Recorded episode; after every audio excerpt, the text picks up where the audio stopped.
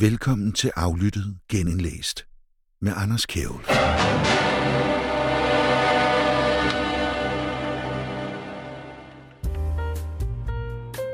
Efter en længere pause, så har jeg valgt at re-reloade aflyttet, men jeg kører på dampene efter at Radar Media har valgt at slå sig sammen med ingeniøren, uden at tage aflyttet med derind. Så det her, det er en sponsorplads. Her kan du blive nævnt med firma eller navn, hvis du har lyst til det. Så send mig en mail på aflyttet snablag proton.me hvis du gerne vil sponsorere programmet. På forhånd, mange tak.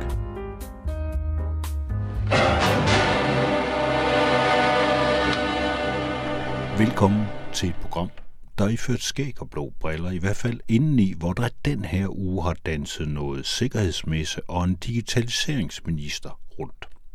Digitaliseringsministeren, Marie Bjerre, hende kommer vi ikke til at møde her, for hun har været på rundtur i Silicon Valley i Kalifornien, og er sidst set iført et VR-headset hos det tidligere Facebook, nu Meta.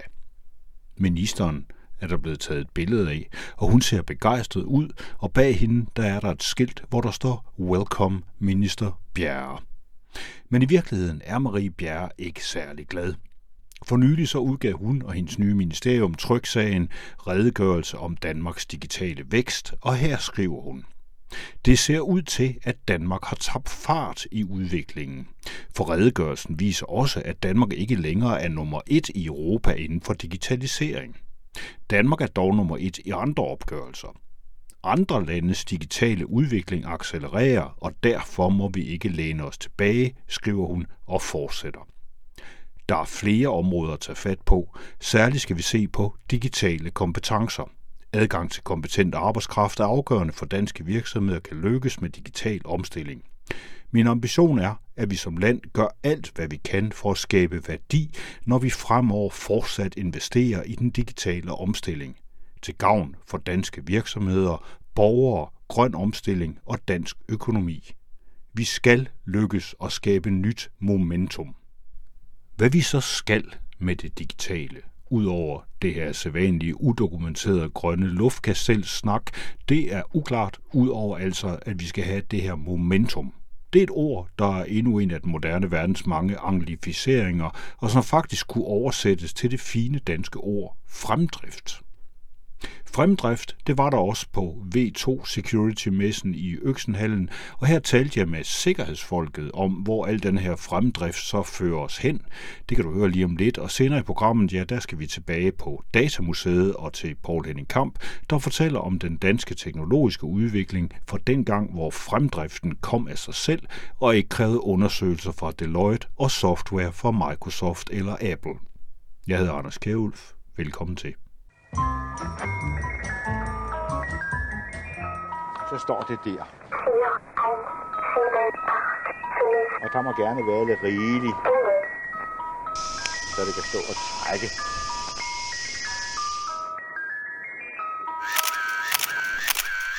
Danmark er ikke længere nummer et i digitalisering på EU's liste over digitalisering, og det nærer vores digitaliseringsminister, og ja, måske hele Folketinget, for nu ligger vi efter Finland, efter at have været nummer et i så mange år, at alle politikere lige havde vendt sig til at sige det hele tiden, at Danmark er verdens mest digitaliserede land. Jeg tog til Øksenhallen og V2 Security-messen på Vesterbro i København for at tale med de mennesker, der skal sikre al den her fremdrift og digitalisering mod hackning og nedbrud og angreb for russere. Og jeg spurgte nogle af dem om, hvad de synes om den der liste, og hvad det betyder for dem at være nummer et eller at være nummer to. Aflytter til VT Security. Jeg står sammen med øh, Jonas Seidenfarten, som er øh, laver noget omkring kryptering, siger du. Kan du ikke lige fortælle mig lidt mere om, hvad det er, I laver? Det er rigtigt. Jamen, øh, vores firma hedder Danastar, og vi er distributør af et produkt, der hedder Armail.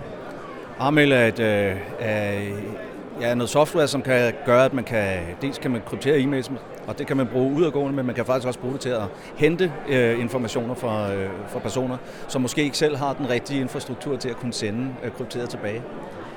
Øh, vi er her i dag øh, hovedsageligt med øh, en ny funktion, som også gør det muligt, at man kan øh, se, hvor i verden ens mail bliver åbnet, øh, hvor mange gange osv. Og man kan sætte nogle forskellige kriterier op for, hvornår man skal have en advarsel. For eksempel, hvis ens mail lige pludselig bliver delt i et af kriseområderne i øjeblikket, jamen så får IT-administratoren simpelthen en advarsel om, at ens mail den lige pludselig er røget derud.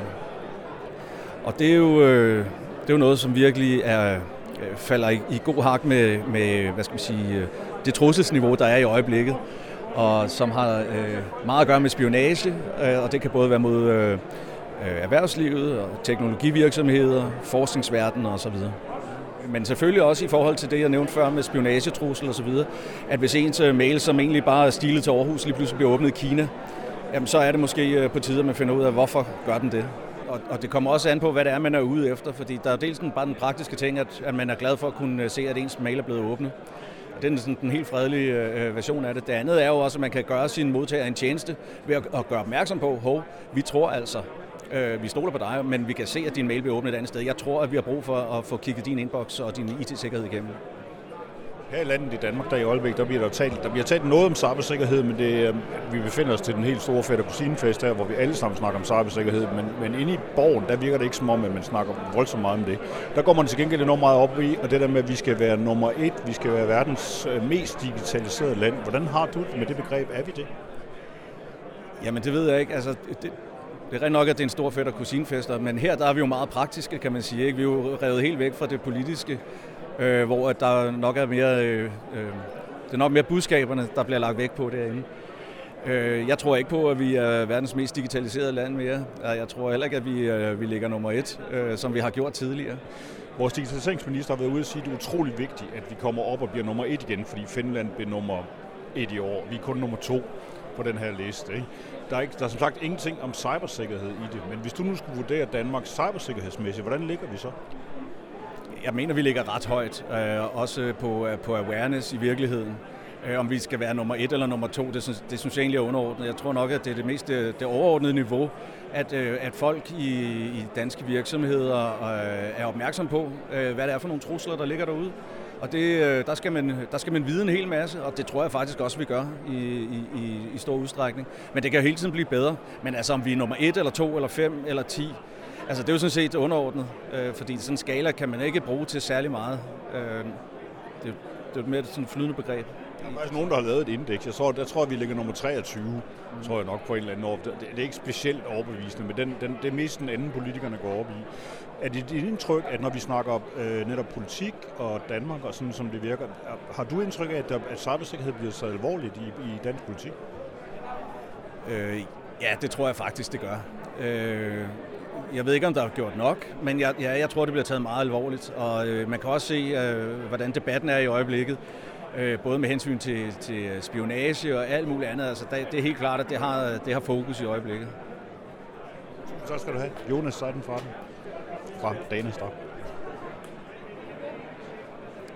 Stor sammen med Bjarke Alling fra øh, D-Mærk. Du er på, øh, hvad hedder det, øh, version 2, ligesom alle os andre på den her V2 Security-messe. Øh, hvad skal du se her i dag? Men jeg skal her i dag? Jamen, jeg er her for at tale med jo selvfølgelig hele mit eksisterende netværk. Jeg kender jo et hav mennesker, som arbejder med sikkerhed. Jeg er her for at øh, tale med, med alle, både udstillere og andre gæster, om hvordan man bliver D-mærket, og hvorfor de skal være D-mærket. Fordi D-mærket gør, at du kan vise omverdenen, at man har orden i sit panelhus, og man har god sikkerhed, at man øh, kan sove roligt om natten, hvis man øh, kører D-mærkets proces igennem. Så jeg er på en, øh, kan man sige, en ikke-kommersiel salgsmission.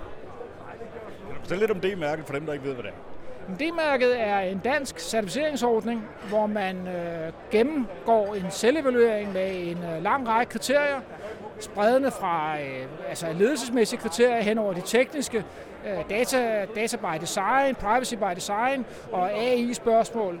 Og afhængig af ens virksomhedsstørrelse, om man er en lille virksomhed, mellemstor, stor osv., afhængig af hvad man laver, så får man, kan man sige, forskellige kriterier, som man så skal opfylde.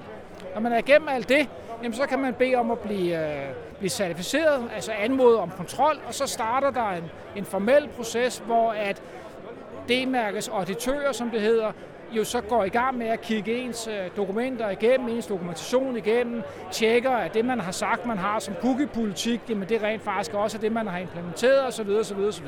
Så det er en, en meget formel og helt reel certificeringspolitik, og den udløser så til allersidst, at man bliver tildelt et D-mærke, så man så kan vise sin omverden, at som sagt, man har orden på banalhuset.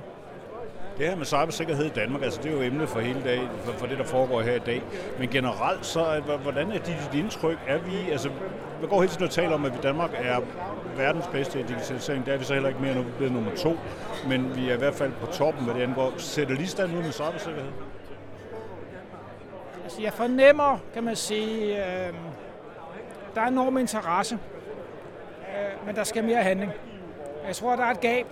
Øh, jeg tror, noget af det er selvfølgelig, at vi har også haft øh, 3-4 år nu, som har været på alle leder kanter usædvanlige, og jeg tror, det har været svært for rigtig mange, både som sin offentlige, men også særdeles i den private øh, verden, og i praksis få gjort de ting, de forandringsprocesser, man kan sige, hvis du er i en presset situation, og der har været corona og energipriser osv., jamen så er motivationen til at gennemføre måske mere dybgående og vidtgående reformprojekter ikke sådan allerstørst. Altså så der, hvor presset kommer, det er det, du skal gøre, som du gør først.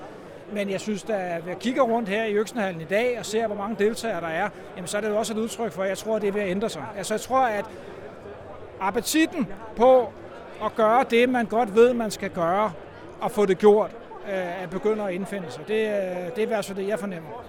Men så er vores politikere, så det de taler mest om, det er jo netop det der med, at vi skal være nummer et. Det er i hvert fald Marie Bjerres seneste udmelding. Hun er kommet med en melding øh, her for nylig, hvor hun siger, at det er meget vigtigt, at Danmark er nummer et og førende inden for digitalisering. Men jeg hører dem ikke tale ret meget om cybersikkerhed. Er der et lille, altså en ting er, at vi her, der går en masse mennesker rundt herinde, som har en bevidsthed omkring de her ting, men har du indtryk af, at vores politikere er bevidste om det? Øh, nu er øh, udviklingen inden for, for de politiske landskab sker jo ikke øh, kan man sige, fra måned til måned. Men jeg synes, at med, vi med den nye regering fik et, et rigtigt udvalg for første gang. Vi har fået en minister, som, som har fået et, et, et reelt ansvar, og dermed så stille og roligt begynder at udvikle sig ser jeg som nogle meget store milepæle. Og det er klart, det skal så begynde at lege sig og, og sætte sig. Øh, og der er der ingen tvivl om, at der er også politiske partier, skal, skal, skal til at vende sig til, at digitalisering og sikkerhed er politiske emner, som de skal forholde sig til. Jeg gætter mig på også, at vælgere rundt omkring i landet vil begynde at stille de her spørgsmål, og ligesom som du, Anders, øh, som medier og journalister spørger ind til det, så kommer det jo også fra, øh, fra andre sider. Ikke? Så man kan sige, at jeg tror, Marie Bjerre prøver jo lige nu at, at komme rundt og, og blive klogere, men, men, men men det er en opbygningsproces. Det her med, om vi skal være nummer et i digitalisering, betyder det virkelig noget? Altså, om man er nummer et, eller nummer to, eller nummer tre, eller nummer fem. Øh, jeg tror, det vigtigste det ved digitalisering, det er, at vi har et samfund, hvor vi kan stole på vores myndigheder, hvor vi kan stole på de informationer, vi får, hvor vi ikke får et mistillidssamfund, og hvor vi ikke har en lang hale af mennesker, som øh, udvikler konspirationsteorier ud fra i alskens retninger. Så jeg tror, det er meget mere centralt, det er, at, at vi har den, altså det, som vores demokrati kan, øh, frem for hvilken øh, placering i, øh, i en eller anden analyse, øh, der bliver lavet. For det, det, det er, altså min opgave i dag med D-mærket, det er at gøre danske virksomheder sikre og hjælpe dem til at, at vise den sikkerhed over for omverdenen. Jeg hedder Johan Bendiksen. Jeg øh, er ansvarlig for produktudvikling og strategi i, i Tavis, hvor vi leverer øh, infrastruktursløsninger øh, med særlig fokus på sikkerhed, risikostyring og managed IT-drift. Øh, og her på messen, der øh, har vi så valgt at lave øh, en light version af vores service øh, på risk assessments, øh, hvor vi øh, går ind og laver et scorecard ud fra NIST-frameworket, øh, der kan være med til at skabe struktur og overblik på, hvad, øh, hvordan man kan lave risikostyring og hvordan man kan håndtere sin cyberrisiko. Øh, det er en rigtig god måde til at kunne skabe øh, bro mellem øh, IT og ledelsen, øh, og specielt i forhold til NIST 2, der er kommet nu her. Øh, går den direkte ind som en mulig løsning for, øh, hvordan man rent faktisk kan give compliant. Øh, Bare lige for dem, der ikke ved, hvad det skulle være. NIS 2, der har vi, der, det, er, det er nogle nye krav, der kommer til, blandt andet, hvordan de skal kunne fungere som almindelige virksomheder, hvor meget styr man skal have på tingene. Og der hjælper I så folk med at, ligesom at få lavet en bro imellem øh, de her krav, og hvordan man gør det. Præcis. Det er egentlig det, vi, øh, vi prøver at gå ind og gøre, og vi bruger rigtig meget visuelt værktøj til det her. Øhm, hvis man nu er det jo øh, så i taleform det her, men øh, man kan gå ind og prøve at søge lidt på NIST, NIST, øh, øh CSF, som står for Cyber Security Framework, øh, hvor man kan se, der er fem søjler, øh, Identify, Protect, Detect, øh, Respond og Recover, hvor der er en masse kompetencer inde i hver. Øh, som man så kan bruge og dykke alt efter, hvor teknisk man er, så kan man, det er det mest overordnede plan, det er de søjler her og de kompetencer, og få et overblik i, hvor øh, man ikke er så stærk og hvor man er stærk, så kan du hurtigt finde ud af, hvor du skal sætte ind øh, og finde ud af, hvor din risiko egentlig ligger. Hvor står Danmark henne i øjeblikket, sådan rent cybersikkerhedsmæssigt set ud for, for altså, I, I beskæftiger med en del virksomheder, der kommer ind og ud og sådan noget. Hvad, hvad er dit indtryk? Er der, det lyder det er også meget bredt og meget fjollet at sige jo, det, men, men er der styr på sagerne? Øh, det varierer rigtig, rigtig meget. Vi, vi snakker heldigvis med en del, der er kommet virkelig godt i gang med specielt den her risikostyring, som, hvor man tydeligt kan se, at det, det virker. Øh, de er begyndt at få de mest basale, styr på de basale ting og døber tærne i mere avancerede løsninger. Øh, og, øh, men til gengæld er der også rigtig mange, hvor vi støder på, at det simpelthen ikke... Øh, der er et stort gap mellem ledelsen og IT. Man har, IT står med meget stort ansvar, øh, og måske ikke nok ressourcer til at kunne leve op til det ansvar, hvor vi mener, at man bør øh, gå højere op og få forståelse for de risici, virksomheden står over, overfor. Vi har en digitaliseringsminister nu. Hun mener, det er meget vigtigt, at Danmark er nummer et i digitalisering. Ja. Skal vi også være nummer et i cybersikkerhed? Det vil, jeg, det vil jeg da mene. Man kan også øh, tage det, den holdning, at de går hånd i hånd. Øh, man kan se cybersikkerhed som øh, den forsikring, du også er nødt til at tilkøbe dig, hvis du, du vil lave digital tra- transformation og digitalisering. Mange tak skal du have, Johan Bendiksen. Vi befinder os på den her konference for sikkerhed her i dag. Hvad laver du her, og hvem er du? Jeg er til fætter kusinefest, som det kaldes, og møde alle mine gamle venner og trosfælder i branchen. Og så er jeg også for at få lidt inspiration. Men jeg, det er faktisk ikke lykkedes mig at komme til et eneste oplæg endnu, fordi jeg møder hele tiden nogen, jeg kender. Det må man komme rundt på her, der man går sådan de penge lidt hinanden. Ja, ja det er det. Ja. Det er en forholdsvis uh, lille branche stadigvæk, selvom det er blevet til tusindvis i forhold til, da jeg startede for 25 år siden. Øh, men, øh, men man kender hinanden, og der er en god, øh, der er en god samarbejdsånd og en god øh, tillid mellem folk.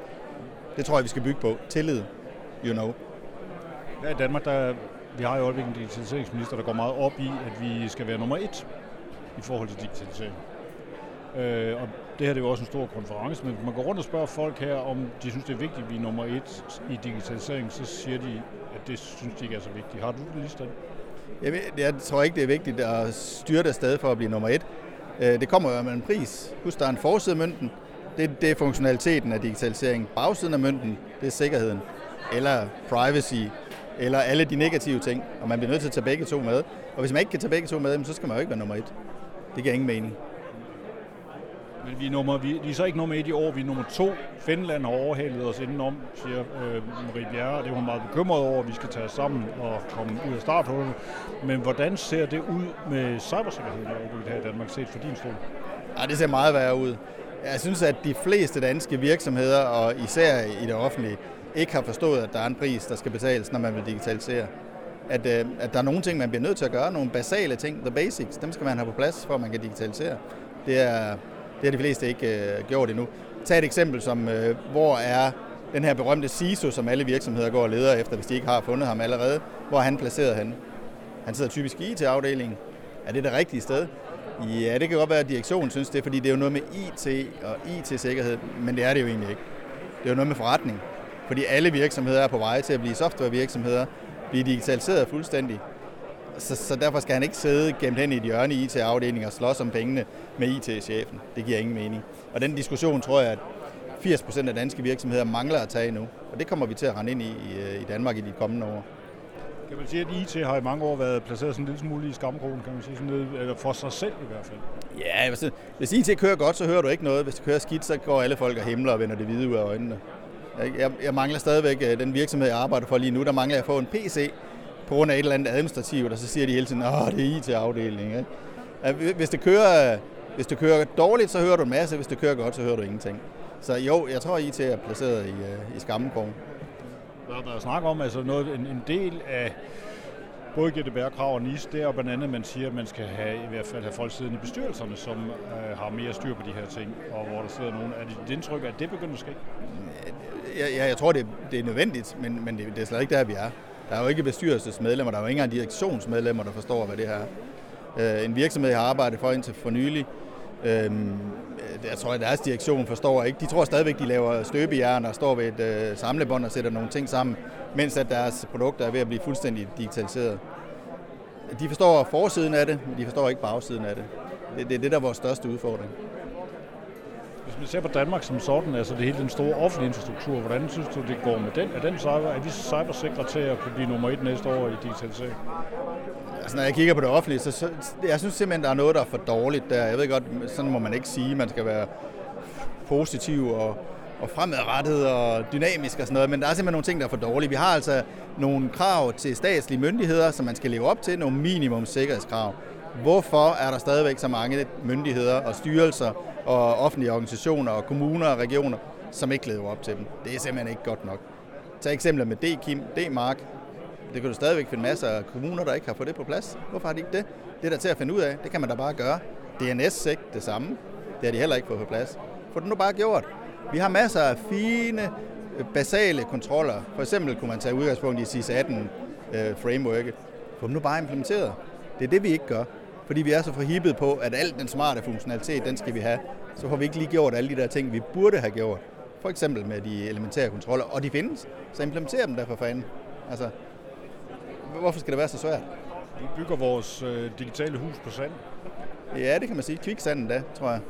Og jeg, jeg synes især ved det offentlige, der har vi så også nogle ekstra problemstillinger med lave offentlige lønninger, gør, at det kan svært at finde de rigtige folk til det, fordi der er så øh, vild øh, hyper konkurrence om, om kompetencerne for, ti, for tiden. Så er det jo et ekstra problem, at øh, det offentlige faktisk ikke kan holde på de gode folk, de har. Og så bliver det jo altså, så bliver det endnu mere kviksand, vi står på. Få det nu bare gjort. Hvor svært kan det være? Kom i gang. Ikke? Det synes jeg er et meget godt sted at stoppe. Tak til fra Jens Rød Andersen, APS. Selvstændig konsulent. Selvstændig konsulent. Two answers before you even get started. I don't know, and if I did, we wouldn't talk about it anyway. Most of these systems are relatively easy for a sophisticated hacker to get into. Det var, hvad vi kunne nå fra V2 Security den her omgang, men vi er ikke færdige med Danmark endnu. Kort før jul der besøgte jeg Datamuseum i Hedehusene og talte med IT-manden Paul Henning Kamp om computer og den historie, de har her i Danmark. Hør mere her. Øhm, det vi har lavet her, det er sådan en lille øh, om så må sige, introduktion til mikrocomputerne. Mikrocomputerne ændrer alting øh, i IT-branchen. I stedet for at man giver sig til at bygge en computer forfra hver gang, så, så køber man en chip, og så har man en computer. Den første, det er Intels øh, 4004, en lille bitte 4-bits computer, der er bygget til at lave regnemaskiner med til et firma, der hedder Busicom. Men den kan bruges til meget andet. Vi har en, øh, en Lorentz C radionavigationsmodtager stående her. Det er forløberen for GPS. Samme princip, man bruger bare radiosender på jorden i stedet for satellitter. Øh, men før den her model, der skulle der simpelthen stå en mand og dreje på knapperne konstant og følge signalerne. Med den her model, der gør computeren det. Der sidder sådan en lille 4-bits processor i, og så kan man tænde den, og så viser den koordinaterne, hvor man er henne, ligesom vi kender det fra GPS-modtagere. Og det, det er starten på den revolution, som mikrocomputeren medfører, hvor de simpelthen begynder at overtage idiotjob. Øh, gøre ting, som tage sig af, af, af ting, som man før brugte mennesker til, fordi det kunne man jo ikke bruge en computer, den ville fylde hele rummet og sådan noget. Øhm, der kommer sådan nogle små byggesæt eller små computer, man kan lære at programmere på. Folk kan bygge deres egen. Vi har sådan et meget flot eksemplar her, der hedder Microdesk, som er lavet som studenterprojekt. Øhm, der kommer regnemaskiner, programmerbare regnemaskiner, man kan have først i en frakkelomme, og så senere i en, i en rigtig øh, skjortelomme. Hewlett Packard laver lommeregneren øh, for 50 år siden. Øh, de må opfinde lysstyredisplayet og meget andet for at få det til at virke, men, men øh, det, det er en af de store gennembrud. Og så har vi formodentlig Danmarks første slæbbare computer. Øh, det er en lavet af en øh, gymnasielektor, der hedder Frank Basson fra Silkeborg Gymnasium, som er meget interesseret i solenergi og vindenergi. Så han bygger en, øh, et, et byggesæt ind i en kuffert, øh, sammen med en kassettebåndoptager fra Dals Varehus, og, og alle mulige strømforsyninger og sådan ting. Og så kan han rejse rundt på gymnasierne og lave øh, studiekreds med fysikklasserne, hvor de måler på solceller og små vindmøller og alle sådan nogle ting, og samler data sammen og regner på det.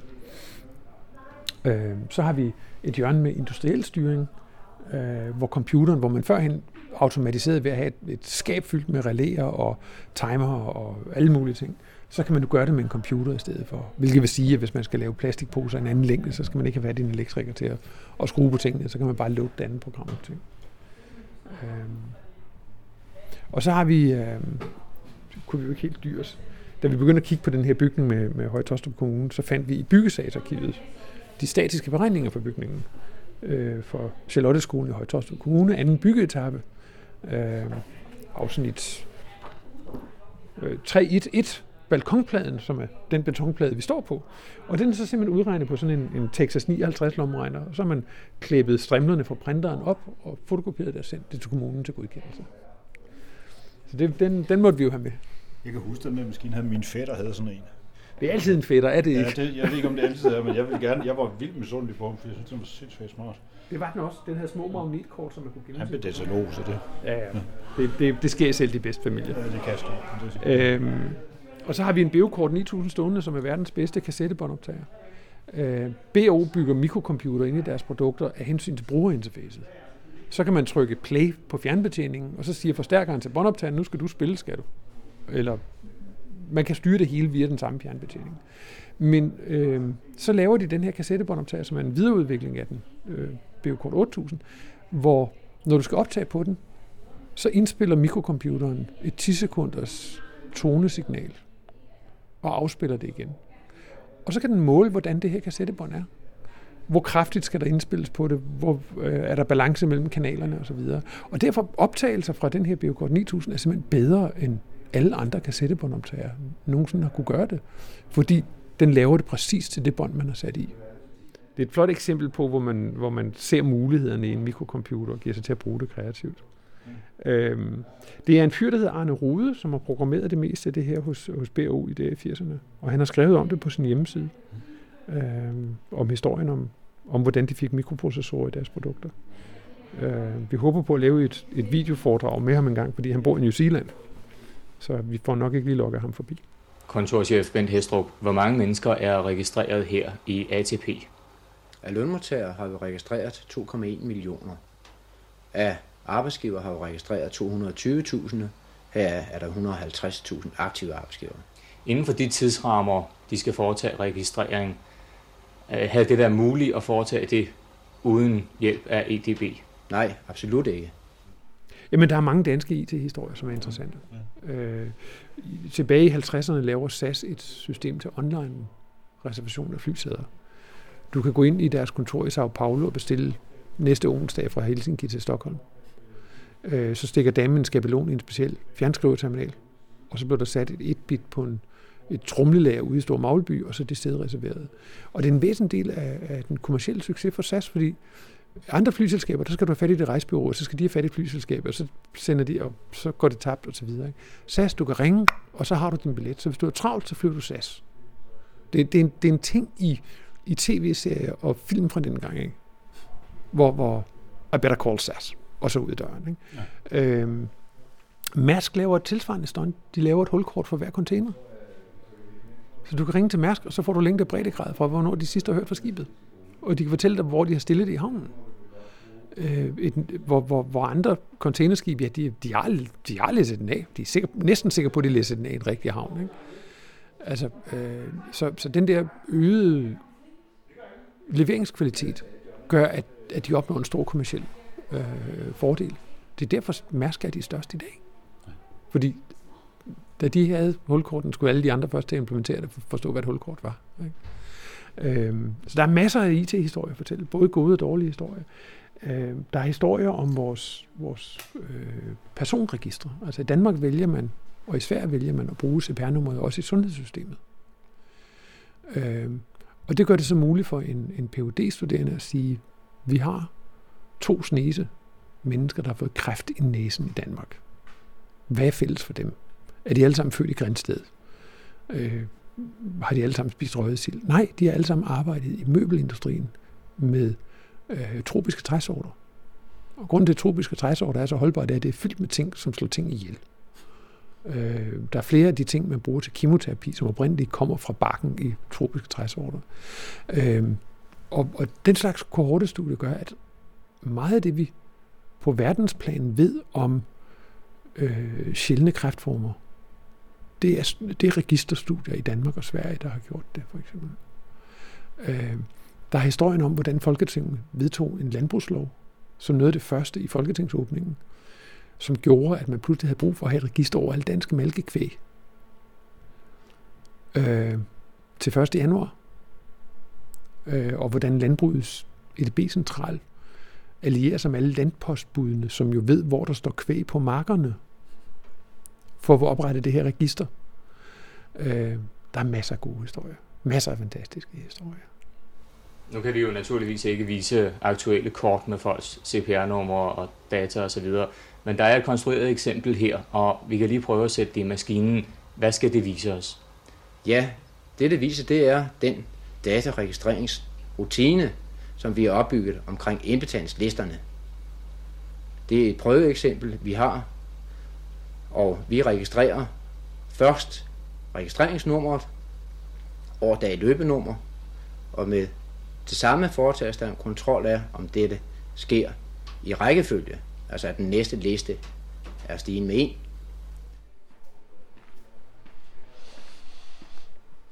Det kan jeg også huske. Vi er jo på en skole, så vi har lavet datalærerlokale. Og datalager har en meget øh, interessant historie i Danmark. Allerede fra, fra første færd er de her folk hos Regnecentralen meget opsat på at demokratisere øh, computerne.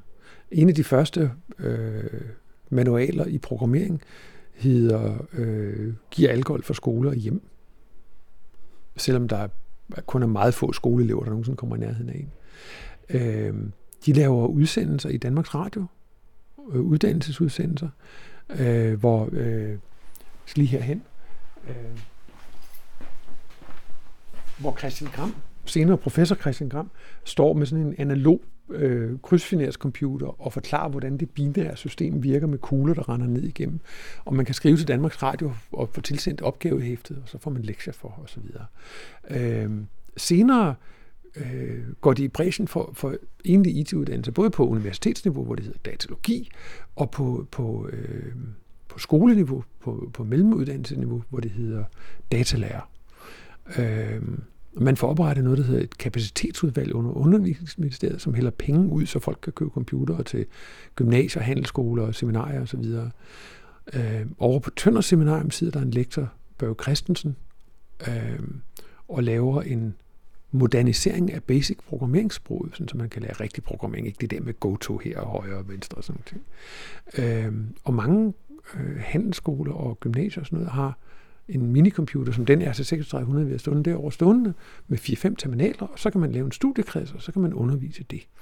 Øh, og i 1984 har man lavet en masse forsøgsordninger og alt muligt, og undervisningsmateriale, og man er faktisk klar til at gøre datalærer til obligatorisk fag i ungdomsuddannelsen, det vil sige teknisk skole, gymnasiet, handelsskolen, øh, lærerseminarier osv., øh, og til valgfag i folkeskolen, ligesom sløjt og husgærning og håndgærning osv. Elektronik? Ja, ja, der var steder, der havde elektronik. Ikke? Det vi. Ja, det, jeg kommer ud fra landet, den slags havde vi ikke. Det var de fire store. Øhm, så kommer der et folketingsvalg, så kommer der en ny undervisningsminister, så kommer der en hurtig sælgefri hjem og siger, nej, nej, nej, her fru Jensen har jo slet ikke brug for at lære at programmere. De skal bare lære tekstbehandling og regneark på en standardplatform som en IBM PC. Og så kører man hele det her kæmpe arbejde direkte i havnen. Bare ud over skulderen. Væk med det.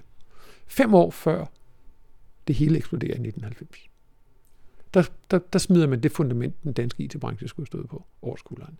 Det er formodentlig den dyreste dumhed, Folketinget nogensinde har gjort inden for uddannelsesområdet. Det var droppe datalærer i 1985. Øh, dybt tragisk. Det er en tilståelsessag. Vi har ham i IBM-fyren på video stolt fortællende historien. Øh, men meget tragisk for, for dansk IT-industri. Her står, vi kigger på Pegoline, som er en, den er, så vidt jeg husker, dansk produceret. Ja, det, er, det er en dansk computer, det er en regncentralen computer. Øh, vi har en Bottler, som er lavet af Måns Pelle. Vi har en øh, Piccolo, som er den tidligere regncentralen computer. Og en ting, der er meget sjov ved de her, det er, at øh, de er ufatteligt solidt bygget. Øh, tastaturet er lavet 3 mm stålplade. Øhm, og jeg har lavet mig fortælle en del af forklaringen på det der. Man kunne, vi var jo blevet medlem af EU, EF som det hed engang. Så man kunne ikke tillade sig bare at sige køb dansk. Men man kunne jo godt skrive, at det skulle være bygget solidt, så det kunne holde til skolemiljøet. Og så kunne de der udlændinge med deres plastikkasser jo ikke gøre sig gældende. Så, så alle de her computer er ufatteligt solidt bygget. Øh, og holder den dag i dag til ufattelige ting.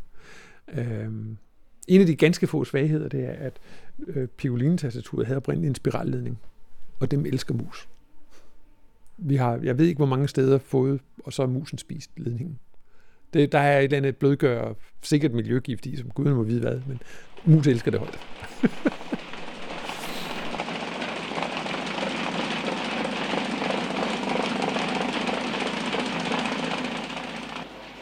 Når de endeløse baner, her i form af girokort, er trykt på linjeskriveren, skal de have perforeringskanten skåret af, og de skal skilles ad, så de kan sendes frem til modtagerne.